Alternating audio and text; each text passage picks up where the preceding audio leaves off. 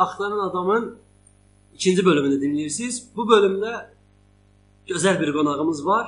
Axtaran adamın qonağı Gəzən adamdır. Salam baba. Salam. Necəsən, nətərsən? Ə, belə hələ ki devalvasiyadan sonra təzə-təzə özümüzə gəlirik, amma ümumi olaraq belə pis deyil. Əla. Bu gün səninlə danışmaq istədiyimiz mövzu daha çox e, gəzən adam haqqındadır. Gəzən adamın elədikləri və etmək istədikləri. Birinci bu fikir, bu ideya hardan ağlına gəldi? Nə zamandan başladı? Bu haqqında. Ə, bilirsən mən mənim özüm də hələ təzə-təzə gəzməyə başlayıram da. Yəni özüm də elə çox yerlərdə olmamışam, amma ə, əslində elədiklərimizə baxanda fikirləşdim ki, gəzmək ya belə deyim də, səyahət eləmək o qədər də çətin bir şey deyil. Sadəcə onun üçün biraz pul e, və biraz da istək lazımdır. Çünki ümumən baxanda adamlar daha çox e, addım atmaqdan qorxurlar. Yəni necə sənə başlasam, yola çıxmaqdan qorxurlar. Fikirləşirlər ki, səyahət eləmək həm çətindir, həm də qorxuludur və yəni qorxulu deyəndə təhlükəlidir. Bu təhlükələrin içində pul, pulsuzluq da yəni düşür də bir adamlar gedib orada pulsuz qalmalar. Çünki adamlar səyahət etməyə başlayanda əslində fikirləşirlər ki, bir harasa gedəndə bir qohumuna, əqrabasına bir hədiyyələr alacaq, orada yaxşı-yaxşı bahalı restoranlarda oturub yemək yeyəcək. Səyahət deyəndə ağıllarında ilk formalaşan bir şey məncə bu olur. O və mən fikirləşirəm ki, adamların ağlından bu şeyləri silmək lazımdır. Necə eləyək, necə eləyək? Mən fikirləşdim ki, öz-özümə elə ən yaxşısı gəzən adamı yaratmaqdır. Düzdür.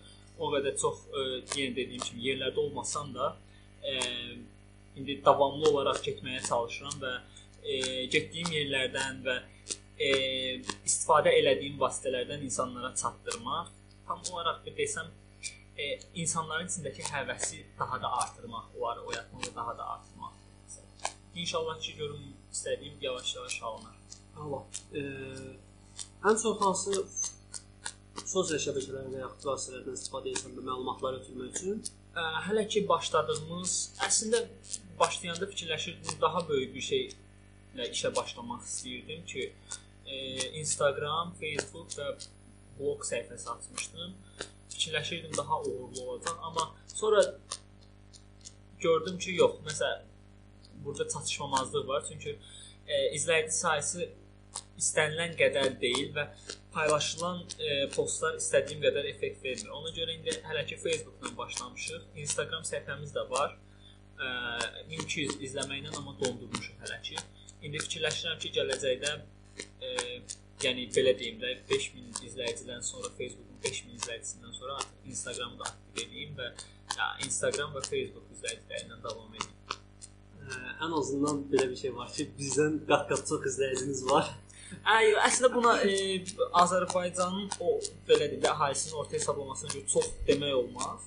Amma e, ilk başlayan ilk, başlayan adama görə, axtaran adam, bilən adam, başlayan adama görə e, məncə hələ ki istədiyim nəticəni əldə etmişəm. Ona görə hələ ki davam eləməyi ki nə qədər pis olsa belə yenə də davam edəcəm. O bir deyim var ya, sağ əlim mənim başıma o kimi.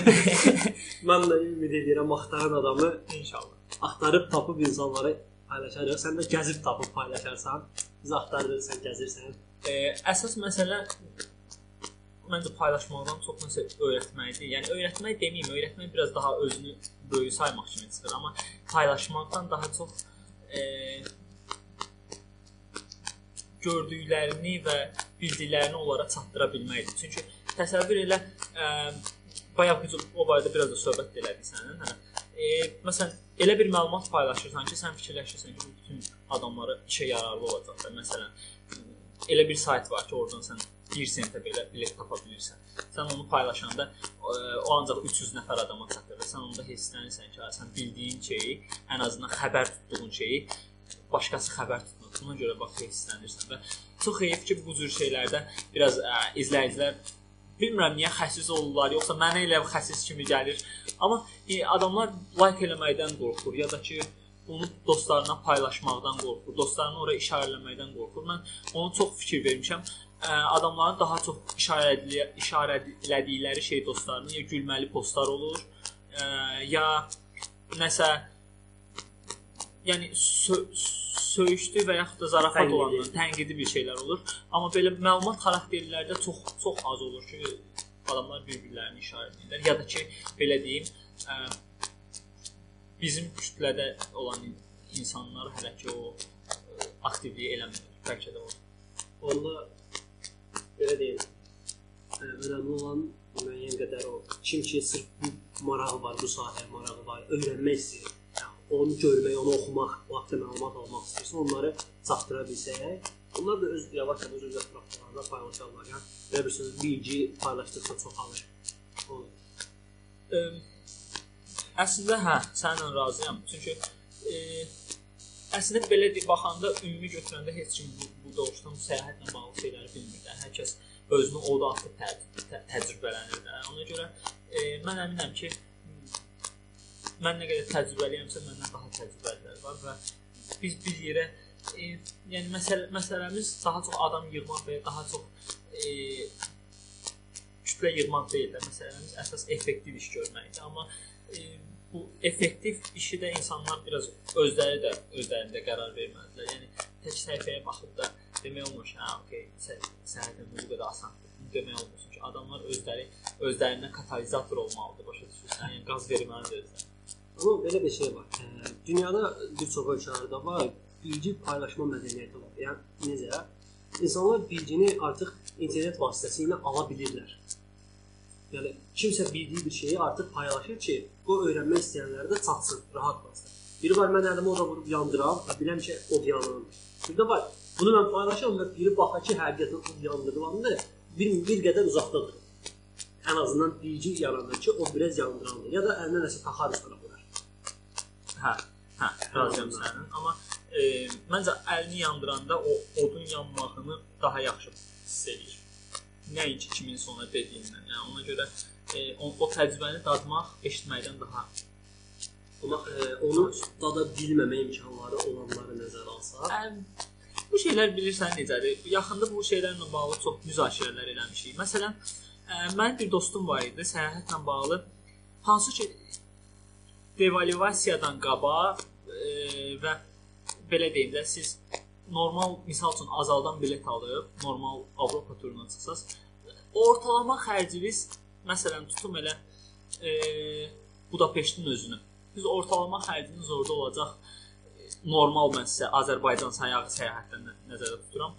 600-700 dollar arası. Normal sizin hətta bilet biletsiz bunu deyim, amma biletlə bir hesablasaq 1000 manata yaxın sizə ortalama pul lazımdır. Ə, və bilmirəm indi xəbər var yoxsa yox. Çünki məndə çox adamlar bilir ki, Pegasus Qəbələyə gəlir və oradan ucuz biletlər təşkil edir də, hansı ki 100 dollara 87 avrodan tutulmuş, yəni 70 avroya qədər biletlər tapmaq olur. Hansı ki Pegasus oradan Avropaya uçuşlar tə, e, təklif edir və e, siz ortalama 500 dollara, yəni 500 dollara pulun uçuşlar eləyib və orada rahat yaşayıb, hətta mən bu rəqəmi biraz da minimuma endirmək istəyirəm. E, çox üstünə getsək hardasa 300-350 dollara da orada bir həftə rahat ist- istirahət eləmək olar. Ki sözsüz ki burada məhdudiyyətləri özünüz özünüzə yaratmaq yaratmalısınız. Ə, indi məsələni ona gətirmək istəyirəm ki, bir dostumla danışanda ona əslində səyahət eləməyi çox istəyən adamdır, amma heç vaxt özünü orada atmaz. Yəni o qorxur ki, gedib orada pulsuz yaşamaqdansa, yəni deyir burada qalmağım daha yaxşıdır. Nəsə ona dedim ki, bəs e, təsəvvür elə ki, sən 500 manata istədiyin qədər, yəni bir həftə istədiyin ölkəni gəzə biləcəksən. E, gördüm ki, yenə də narazılıq eləyir. Yəni adamlar həmişə nəyəsə narazılıq eləyir. Məsələn, həmişə arzusundadırlar ki, ucuz uçuş, uçuşlar olsun, amma Qəbələdən olanı deyir, bir də buradan Qəbələyə getməyə var. Yəni adam təsəvvür elə buradan Qəbələyə getməyə ərinən adam e, özünə o e, katalizatorluq eləyə bilməz ki, buradan durub Avropaya getsin.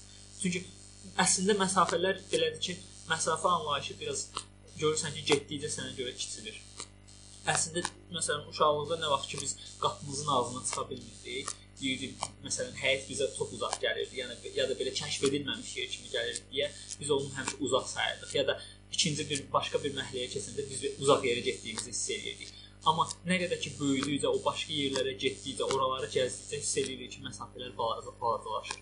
Bir növdə səyahət anlayışı ilə, ortalama ilə bir şeydir. Adamlar məsələn ə, çox adam tanıyıram ki, İstanbul deyəndə çox belə heyrətlə baxır ki, "Ay İstanbul", amma 2 dəfə, 3 dəfə gedəndən sonra baxır ki, yox, elə əslində burdan buraymış, yəni belə də böyük bir məsafə yoxmuş orada. Onda gəl bundan danışım da. Səyahət deyəndə bizim ilk ödlə ağlımıza nə gəlir? Çünki səyahət deyəndə belə deyim. O belə bir şey var. Mən özüm də səyahət eləmişəm. İlk Təbrizə getmişəm, e, sonra e, Tiflisə getmək şansım oldu. Ardından da Trabzon, Trabzona.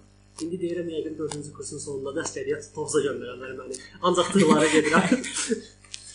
E, səyahət deyəndə əslində e, mən bunu həmişə də deyirəm. İnsanlar e, buradan niyə mövzuya girmək istəyirəm, daha aydın izah olsun deyə. İnsanlar 4 4 cür növ insanlara bölünür də. Hansı ki, e, pulunu yeməyə, e, yeməyə və içməyə belə deyim, xərcləyən insanlar, yəni restoranlara xərcləyən insanlar, hansı ki, pulunu geyimə xərcləyən insanlar, hansı ki, pulunu texnologiyaya xərcləyən insanlar və hansı ki, pulunu səyahətə xərcləyən insanlar. Əslində bu cür insanların demək olar ki, hər biri e, kəşf etməyi sevən insanlardır. Və kəşf etmək demək elə səyahət eləmək demək. Yəni məsələn deyirəm, siz bütün restoranları səyahət edirsiniz və orada kəşf edirsiniz. Misal üçün bütün paltar mağazalarını kəşf edirsiniz. O siz səyahət edirsiniz, orada kəşf edirsiniz. Və hər şeyin kökündə əslində sə- səyahət dayanır hardasa. Aşağı yuxarı dayanır. Səyahət eləməyin e, səyahət eləmək anlayışı da elə dəyişkəndir. Məsələn, e, bilmirəm siz turizm agentliklərini araşdırsaz, səyahət eləməyin əslində shopping səyahətləri var. E, bu hələ ki təzə məşhurdur və mən bunu çox az görmüşəm, amma elə bir şey də var. Restoranlarda yemək səyahətləri, məsələn, aparırlar insanları e, gəzdirirlər və oralarda olan yerli adətlərin yeməklərini onlara daxdırırlar və qayıdırlar. Yəni bu adamlar ta, e, tarixi yerləri və s. və s. görmür. Ona görə səyahəti biraz e, anlayışı geniş anlayışdır da. Ondan saatlarla danışmaq olar ki, inanmıram ki, bu kiminsə e, kiməsə lazımı bir məlumat olar əslində.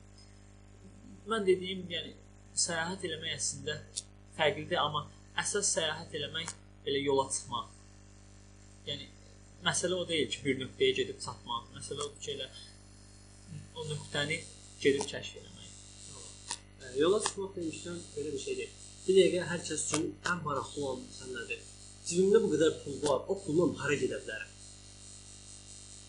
Ə, Əslində e, bu barədə bizim çox araşdırmalarımız olub. Ə, Sizə belə bir şeylər deyim də. İndi təsəvvür edin ki, e, biz gəzən adamda bu cür e, ah- son bir ayda yeni e, bir kampaniya başlatmışam e, və orada paylaşdığım applər və e, saytlar, e, applicationlar və saytlar daha çox məlumat xarakterli olur və e, bu məlumat xarakterli applər və application və saytların içində bir çox e, mə lazımı məlumatlar var ki, hansı ki insanlar onlardan istifadə edərək rahat şəkildə gəzə bilər. Məsələn, numbeo.com var.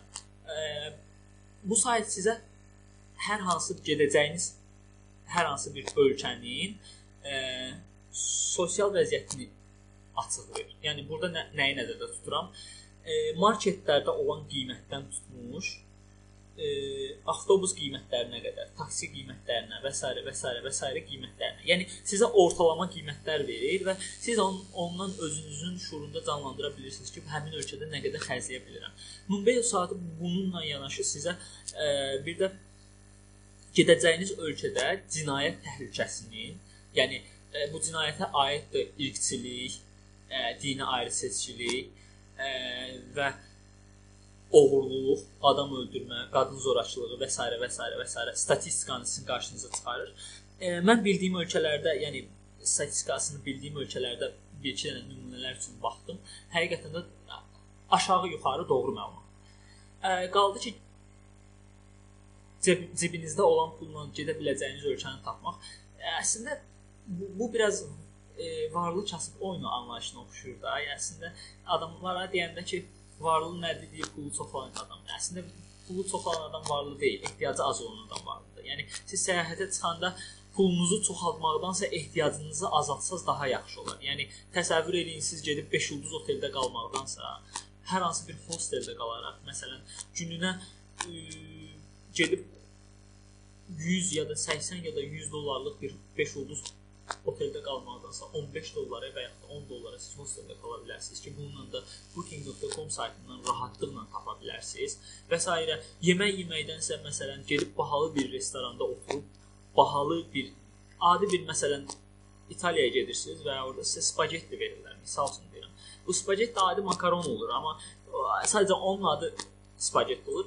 E, düzdür, bu burada e, mət kulturoloji cəhətdən, yəni bir biraz da mətbəx cəhətdən yanaşsaq, burada belə bir şey var ki, e, onun öz bişirilmə qaydası var, onun öz suda gö gözlədilmə qaydası var, amma yenə də dediyim kimi siz orada nəyə daha çox həvəslisiniz? Yəni e, kəşf əgər görməyə çox həvəslisinizsə, yeməyiniz o qədər də xərc almayacaq. Yəni siz gündəlik istənilən bir ölkədə gündəlik 15-20 dollar arası öz yeməyinizi qarşılaya bilərsiniz bir adam üçün.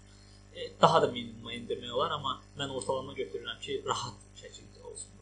Və sağ qalmaq e, da belə həll olur. Ən səyahətin 65-70%-ni təşkil edən şey yoldur. Çox tə- təəssüf ki, çox yerlərə məsələn maşınla, qatarla getmək olmur. Yəni siz ə, belə deyim də ucuz biletlərlə səyahət edə bilmirsiniz. Yəni məcbur olursunuz ki, təyyarəyə minəsiniz də. onda e, sizə qalır ki, low cost biletlər tapmaq və e, bunun üçün də bir neçə yönlər var ki, hansı ki, e, türklər buna aktarmalı deyir. Yəni e, bir növ Pasatka da rusca çıxır, türkcə aktarmalı, Azərbaycanca e, siz keçid, keçidlə gedirsiniz. Məsələn, tutaq ki, siz getmək istəyirsiniz, ə, bu yay getmək istəyirsiniz Belçikaya. Və Belçikaya getmək Azərbaycandan, Bakıdan Belçikaya birbaşa hardasa ə, aşağı yuxarı qiymətlər 400-600 arası dəyişir. Amma Belçikadan birbaşa Budapeştə viza yerinə siz getsəz 70 mən axırıncı dəfə baxanda 40 idi. Ondan sonra 2 gün sonra yenə də baxdım, qiymətlər 70 ə, dollara dəyişib. 70 dollara viza ilə Budapeştə getsəz və Budapeştdən e, Bel Belçikaya Ryanair-lə biletlərə baxsaz, ən çoxu maksimum 30 dollar olacaq. 30 evro olacaq üstü. Və 30 siz bu burada sadəcə 70 dollar və 30 evro xərcləməklə Belçikaya gedib çıxa bilərsiniz. Eyni ilə qayıtmaq. De demək istədiyim şey siz 400-500 dollar xərclədiyinizə 200 rahat dollar, 250 dollarla rahat gedib qayıtmaq xərcinizi qarşılaya bilərsiniz. Sadəcə bunun üçün bəzi trüklər var ki, bu trüklərdən düzgün istifadə etmək lazımdır və aktarma olunan ölkələri dəqiqliklə seçmək lazımdır və daha çox geniş araşdırma eləmək lazımdır bu barədə. Və ə, araşdırma eləyəndə də daha çox fürsət biletləri low cost ə, tickets yazıları ilə tapmaq olur. Yəni belə bir şeylər. E, günümüzdə əslində azaldı, azaldanda danışmaq olar. Azal biraz e, qiymətləri çox çox bahadır e, ki, hansı ki bu əl vermir ki, insanlar rahat şəkildə olsun və yəni azalın əslində düşündüyü təbəqə məncə e, orta təbəqə və yaxud da aşağı təbəqə deyil. Azal azal birbaşa e, ancaq yuxarı, yəni pullu təbəqəni düşünür və ona görə davranır və o, məncə orada e, onun marketinq strategiyasında daha çox özünə e, prestij prestij deyirlər, amma prestij güdür. Amma e, məncə başqa yönlər var ki, onlardan e, istifadə etmək olur. Məsələn, Azalın elə low cost uçuşları açılır. Pegasus e, səhv eləmirəmsə Pegasus Qəbələdən olacaq. E, və Azalın özündən də olacaq low cost uçuşlar. Amma e, nəzərinizə çatdırım ki, Azərbaycanda hal-hazırda bilinən Pegasus Qəbələdən uçacaq və Vizerdə Bakıdan uçacaq və deyilənə görə Azalın low cost uçuşları da olacaq. Tamam. E, bəs təyyarə ilə yox, e, maşınla ya da qatarla məsələn yaxın-yaxın ərazilərə gedə-gedə. Məsəl üçün Türkiyəyə ən çox gedəndə ya İrandan keçməlisən, ya hava ilə uçmalısan, ya da Gürcüstandan keçməlisən. Gürcüstanı fikirləşək, ora gedib bir şəhərdə gəzmək, sonra oradan Türkiyəyə getmək daha yaxşı olmazmı? Yəni sırf məqsədin gəzməkdirsə, bir çox ərazi görməkdirsə, elə getmək. Hə. İndi burada belə bir məsələ var. Biz tam olaraq oktyabr ayında, oktyabr ayında e, İstanbula bir həftəlik səfər təşkil etdi 2 nəfər belə dostundan və adam başına sadəcə yol xərci ilə birlikdə 320 dollar xərcimiz çıxdı. Tam olaraq turun gününü hesablasaq, bir gün Tiflisdə qaldıq, 7 gün İstanbulda, 8 gün və 3 gündə yola getdi. Yəni gün yarım və gün yarım yolda qaldıq. Booking-dən kampaniyalı biletlər tapdıq, yəni kampaniyalı otellər tapdıq, oradan rezerv elədik. Hardasa 350 dollarlıq otel bizə 120 dollara oturdu 2 nəfər üçün. Və e, yol xərcləri ilə 50 dollar, 50 dollar 100 hesablayanda e, yəni adam başına 320 dollar məncə çox yaxşıdır ki, bir bir 8 günlük gəzmək üçün çox yaxşıdır ki, bu e, qiymət daha da minimuma endirmək olar. Necə endirmək olar? Ə, siz avtomobillə əgər səfər eləyirsinizsə və biraz daha macəra axtar, macəra axtarışında olan adamlarsınızsa, daha çox couchsurfing və ə, otostopdan istifadə edə bilərsiniz. Yox deyirsinizsə ki, ə, otostop mənə biraz çətin gəlir, siz onda BlaBlaCar-dan istifadə edə bilərsiniz. BlaBlaCar saytı sizə ə, hər hansı bir insanın bir nöqtədən bir nöqtəyə gedəcəyində ə, onunla benzin yəni ödədiyi benzinin pulunun yarısını ödəmək şərti ilə onunla yola çıxmağı tövsiyə edir və e, siz bu insana necə güvənə bilirsiniz?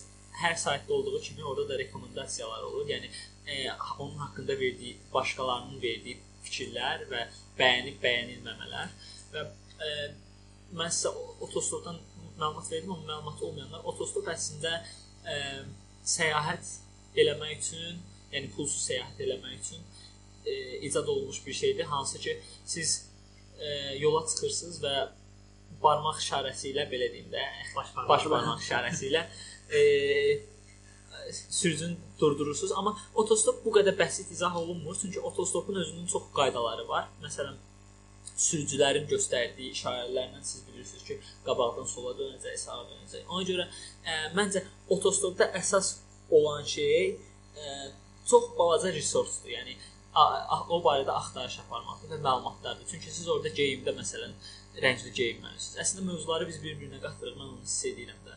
E, amma e, applər barədə daha çox applicationlar və belə şeylər barədə daha çox istəyərdim gəzən adamın özündən məlumat alsınlar, çünki orada daha aydın və daha geniş yazılır. Mən sadəcə qısa şəkildə burada məlumat, ümumi məlumatlar verirəm. Ə, Türkiyə gəzimizi biz adam başına 320 dollara e, e, tam olaraq başa gətirdik və e, mən fikirləşirəm ki, biz yetəri qədər də yemək yedik, yetəri qədər də istirahət elədik, yetəri qədər gəzdik və yetəri qədər də sağlam və rahat geri qayıtdıq. Yəni rahatlığı niyə görə vurğulamaq istəyirəm? Çünki adamlar qorxurlar ki, əslində səyahət e, eləyəndə hər şey komfortlu olmalıdır. Yox ola bilər ki, sənin e, gedəcəyin avtobus misal üçün deyirəm, biraz na- narahat olsun, amma bu sənin on, ona necə baxışından da daha çox asılıdır da. Yəni sən əgər hər şeyə narahatçılıq kimi baxırsansa, onda e, onda belə sənin hər şey gözündə nara narazıçılıq kimi görünəcək, yəni narahatçılıq kimi görünəcək. Olacaq ən bahalı şey belə sənə narazıçılıq kimi görünəcək. Ona görə biraz da o barədə fikirlərini dəyişmək lazımdır. Həm də əsas burada bir şey var. E, səyahətə gedirəmsə, hararsa məsəl üçün görmək üçün gedirəm. Qayıdıb bütün qohumlara hədiyyə almaq üçün yox. Hə, məsələ orasındadır. Yəni çox çoxları fikirləşir ki, əslində bu mənim özümdə də var. Mən elə fikirləşirəm ki, qaydanda kiməsə kiməsə həmişə deyirəm ki, almayım, amma qaydanda həmişə fikirləşirəm ki, yox, buna buna buna buna hədiyyə alsam daha yaxşı olur. Amma bu fikir əslində həqiqətən ağlından çıxarmaq lazımdır. Hədiyyə, çünki sən ora hədiyyə almaq üçün yox, görmək üçün, kəşf eləmək üçün gedirsən. Ki, əgər hədiyyə almaq üçün gedirsənsə, bunu qabaqcadan nəzərə alıb e, büdcəni artırmaq lazımdır. Büdcəni ona uyğun düzəltmək lazımdır. Əla, e, siz axtaran adamı dinləyirsiniz. Kiçik bir mahnı fasiləsindən sonra yenidən bərabər olacağıq.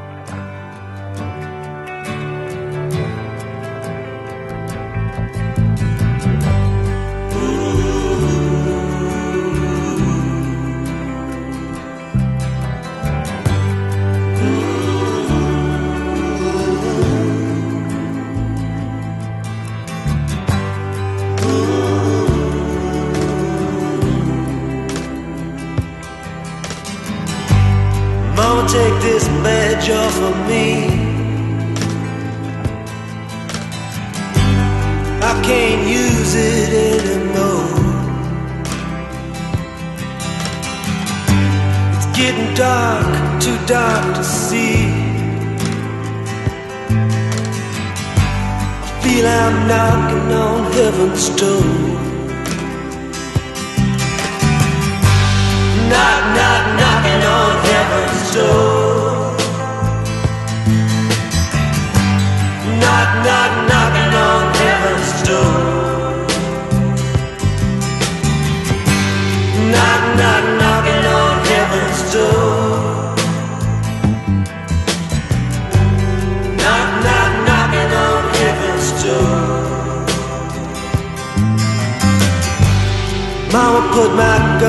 Guns in the ground.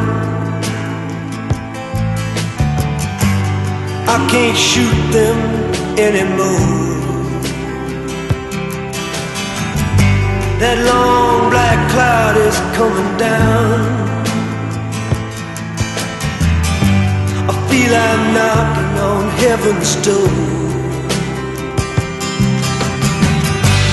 Knock, knock, knocking on heaven's door.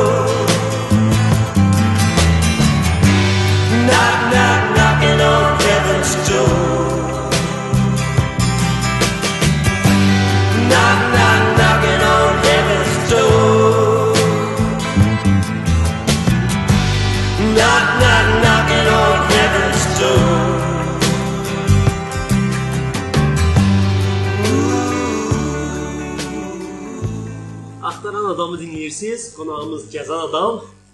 E, baba, indi istəyirəm biraz səyahət işə çıxırsan, e, orada başına gələn o maraqlı, məzəli, gülməli əhvalatlarından bizlə bölüşəsən. Ə, Deməli bir dəfə nə olub? Ə, Mən mənim ən, çox problem yaşadığım şey vaxtla bağlıdır da, hansı ki e, sən saat qurşaqlarını nəzərə almırsan, zaman qurşaqlarını belə deyim və gedirsən orada e, hiss eləmirsən ki, məsələn, uçduğun yerdən saat 7-dir, gedirsən orada saat 4-ə düşürsən. Sən elə hesab edirsən ki, hələ də 7-dir. Ə, biz mən Litvadan elə bir birbaşa Belçikaya uçanda səhər saat hardasa 6-da düşdüm. Onda da birbaşa elə bir e, Belçikada Brüssel Mid aeroportundan birbaşa Niderlanda Hollandiyaya bilet almışdım. Amma burada e, çıxış və çat çatma vaxtlarını, yəni yerlərini səhv, deməyim, e, çıxma vaxtını arxaya yazmışlar çatma vaxtını irəliyə. Yəni e, ilk baxanda görürdün ki, çatma vaxtı görünür. Tərsinə Sonra da baxırsan, hə, tərs tam anlaşılmaz bir şey. Mən elə baxdım ki, 08 indi saat da 07 e, 30 idi. Baxdım ki, 08 14-də bizim qatar çatır. Amma çıxmır, çatır. Bir də baxıram ki, 12:05-də çıxır. Dedim ki, yəqin bu sa saatla bağlı bir şeydir. Yəni bu, ola bilər ki, burada indi saat irəlidir deyə və telefonum da sönüb, sönüb deyə heç nəyə baxa bilmirəm. E, biraz da baş sodalıq elədim ki, gedib orada soruşmadım, baxmadım heç yerdə. Getdim özümü verdim marketə, çünki çox ac idim. Girdim marketdən qəşəng gözüm üçün bir dənə yoğurt, Brüsselin məşhur pirojnaları var, çox. Onlardan aldım. Çox rahat-rahat. E, sonra mağazada saata baxdım ki, saat 08 e, daha doğrusu 07:54-dür. Fikirləşdim ki, əgər bu saat qurşağına görə hesablasaq, e, 08 indi yox, 07:54 burdadır və bizim çıxış 08:14-dədir. Yəni tam olaraq 17 10 17-18 dəqiqə sonra. Getdim platformaya, bir dənə elə düz yanında duran daydaydan soruşdum ki, day şeydir də. Bu bizim qatardır. Yəni bu biletimi göstərdim, soruşdum ki, bu mənim gedəcəyim qatardır. Dayı baxdı, dedi bilmirəm də. Yaxşı olar ki, girib içəridə provodnikdən soruşasan. Elə içəri girdim ki, qatar qatarın qapısı bağlandı. Bağlananda indi mən də biraz təşvişə düşdüm çünki bütün mənim bir bir çantam var idi elə belimdəki, amma belə ya əlavə yox idi, amma içəridə qatarın içində idi. Yəni qatar tərpənirdi. Elə qaça-qaça qaçdım provodniki tapdım ki, bəs bu mənim qatarımdır. Provodnik baxdı dedi ki, çox şanslı adamsan, yəni tam vaxtında gəlib girmisən sən.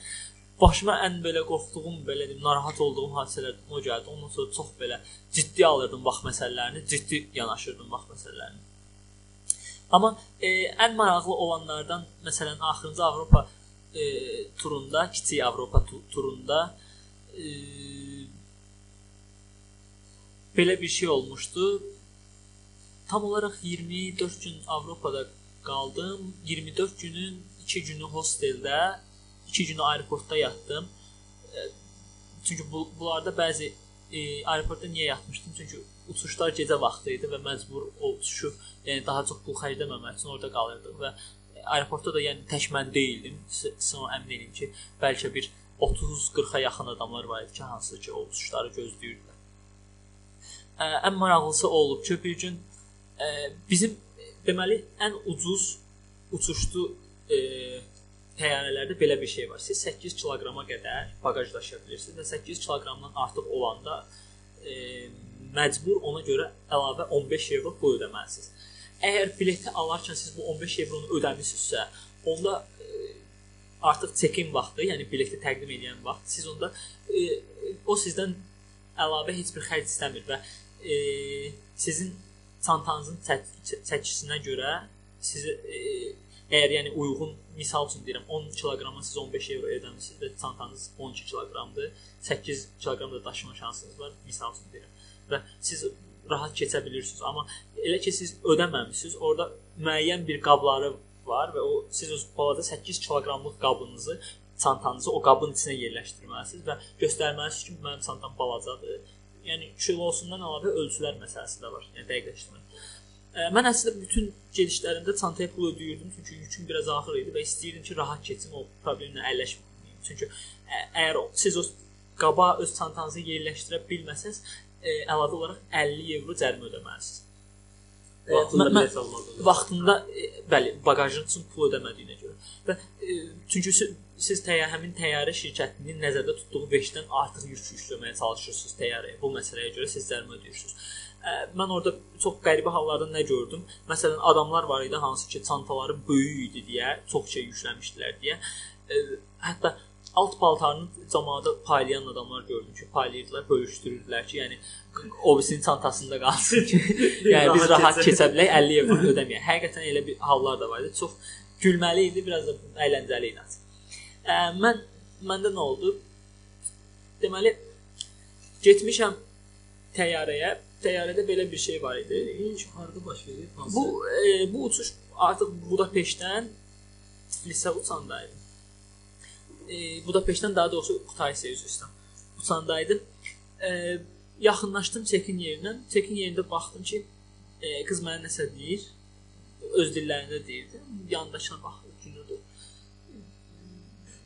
Mən də mən də fikirləşdim ki, yəqin mənə deyir ki, çantanı oraya yerləşdirmək lazımdır. Əslində sən e, götürdüm çantamı, çantam çox böyük idi. Üstündə ayaqqabıları asmışam, spalni meşoqum var, yataq qoymuşam üstünə. E, Çantanın üstü dolu, içi dolu. E, balaca da deyil, belə qabdı. Mən də çıxmışam çantanın üstünə salmağa çalışıram o de- qaba ki, otursun mən o 50 evro cəriməni verməyim. İndi çanta şey olmur, ayaqqabıları atmışam, əlimdə saxlamışam, asmışam kürəyimə bibin ipindən, spalniki çıxarmışam, saxlamışam qucağımda, çantanı güzbala ilə salmışam içəri. Sonra baxıram ki, qızlar mənə baxıb gülür. E, bəs bileti göstərir ki, sən onu eləməli deyildin. də, Əslində sən buna görə pul ödəmisən. yəni boşunadan götürüb bu boyda əziyyət çək. Heç nə götürdüm bir abısılıqla götürdüm, qoydum bu boyda çantaları hamısını bağladım, sonra da razı-razı getdim. Getdim, mindim aer- aeroportda samolyota. Ən təhlükəli uçu- uçuşumuz o həmin həmin uçuş oldu ki, hansı ki yatdım, yuxuya getdim. Bir də oyandım ki, aeroportda aeroport yox, təyyarənin içində bir sakitçilik var. Dəhşət çox sakitçilik idi. Bir dənə dispetçerin səsi eşidilir. Yəni o, o dərəcədə sakitçilik var. Hamı oturub dua eləyir. Başa düşdüm ki, samolyot trambulansa düşüb. Trambulansda da həqiqi çox dəhşət bir ağrılı, acılı vəziyyət olur. Çünki e, təyyarə çox əsir. Bir də adamın qulaqları təzyiqdən partlayır və təzyiq qalxdıqca da boynun arxası dəhşət ağrımağa başlayır. Bunun üçün bir bir neçə yönlər var ki, saqqız çeynəməlisiniz və yaxud da udqunmalısınız ki, o, o vəziyyətdən keçə biləsiniz də. Amma məsələ orasından ki, o qədər təzyiq var idi ki, orada hətta udqunanda belə də, saqqız çeynəndə belə o təzyiqi götürmür. Ə, baxdım ki, orada cəmaət hamısı dua eləyir, hamısı belə təşvişdədir. Yediklərini qaytaranlar oldu ki, xoşu gəlmir yəqin. Amma e, vəziyyət elə alındı ki, pilot təyyarəni uğurla, yəni e, endirə bildi də, rahatlıqla endirdi. Heç bir problem olmadı. Onda başa düşdüm ki, adamlar həqiqətən ə, öz dəyərini nə qədər bilirlər də, nə qədər qorxurlar. Nə qədər əslində vəziyyət çox orada gülməli idi. Çünki nəyə görə gülməli idi? Adamlar mən elə bilirdim bu şey ancaq Azərbaycanda var. Yox, bütün millətlər demək olar ki, elə aşağı yuxarı bizi ilə eyni. Məsələn, onlar çoxsu gürcülər idi. Budapeştdən Kutaisiyə gəldi. El təyyarə dayanmamış, onlar da durdular ayağı. Başladılar zalda gəzişməyə, öz veşlərini çıxartmağa ki, hələ təyyarə dayanmayıb, hələ tam olaraq. Çıxartdılar veşlərini, ondan sonra stüardessa məcbur oldu işığı söndürdü. İşığı söndürəndən sonra təzədən oturdular hamısı yerinə, çünki heç nə görünmür. Təzədən stüardessa yəni yandırmalıdır işığı, yandırdı. Təzədən yerdə durdular. Yəni məcbur qaldılar. Yəni eyni vəziyyət, eyni vəziyyət təkrarlanmasın. Ya artıq heç nə demirdi stüardessa. Belə. Əslində çox hadisələr başımıza gəlib. Ə, danışmalı da çox şeylər var. E, mənim yox, e, bir yaxınımın başına gəlib ba e, maraqlı olan budur ki, e, İspaniyaya səyahət edəndə Türkiyədə dayanıb e, elə bir təyyarə dəyişdirməli oldular. Səhər-səhər Bakıda elə bir səhər yeməklərini yeyib gediblər. Orada aeroportda 2 saat boş vaxt olub, orada yemək yedim. Axşam da İspaniyada. İndi hər dəfə deyir ki, səhəri Bakıda, günortanı Paris. E, Türkiyə İstanbulda, axşamı da Barselonada yemək yemişəm. Deyirəm, amma soruşam, Bakı nə yemirsən? Sən sən pendir yağ, günorta da aeroportda hamburger. onsuz da, onsuz da. E, ucuz uçuş eləyən adamların çoxusu özlərini hamburger ya da belə, yəni yüngülvari daha çox fast foodlara üstünlük tuturlar e, ki, belə şeylərlə özlərini doyurmağa çalışırlar, amma ən yaxşı variant, ən yaxşı variant odur ki, market. Marketlərdən alacağın yeməyinə, yəni adi restoranda yeyəcəyindən qat-qat doyursun. Bir də ə, İstanbul dedim, bax, orada bir belə bir şey də olmuşdu. Bir dəfə e, İstanbulla Azərbaycan belə deyim də Bakı arasında olan vaxt zaman zamanlamaya görə biz əslində İstanbul təyyarəsinin vaxtını Bakı zamanına görə baxırdıq və ona görə ə, bu verilki səhv qoşmuşduq. Əslində 1 saat sonraya qoşmuşduq. E, və tə, belə deyim də aeroportda yatıb qalmışıq. Təyyarəni qaçırmışıq. E, məsələ orasındadır ki, hə, yəni o söz sözü nəyə gət gətirib çıxarıram? Yenə də zamanlama ilə çox şeyləri itirmişik biz. Əslində düzgün zamanlama çox şey qazandırır. Tamam. Bu təşəkkür edirəm. Deməli, ə, axtaran adamı dinlədiniz. Qonağımız gəzən adam idi. Dəvətimi axır ki qəbul etdiyinə görə babaya təşəkkür edirəm. Ə, gəzən adamı izləmək üçün Gəzən adam səhifəsi Facebookda izləyə bilərsiniz və yaxud bloqun adı Gəzən adam Yəni, blog. blog hələ aktiv deyil, amma Facebookda daha izləmək daha məlumat- yaxşı. Hə də geniş məlumatları ala bilərsiniz. Siz də onu dostlarınızla bölüşən yaxud e, axtaran adamı da izləməyi unutmayın. E, artıq Mixcloud-da da qeydiyyatdan keçdi, orada da hesab açdıq. Oradan dinləyə bilərsiniz rahatlıqla ya da iTunes-da abunə olub podkastlarımızı dinləyə bilərsiniz. e, Facebook-dan izləyə bilərsiniz. Bir də e, Ask.fm hesablaşmışıq.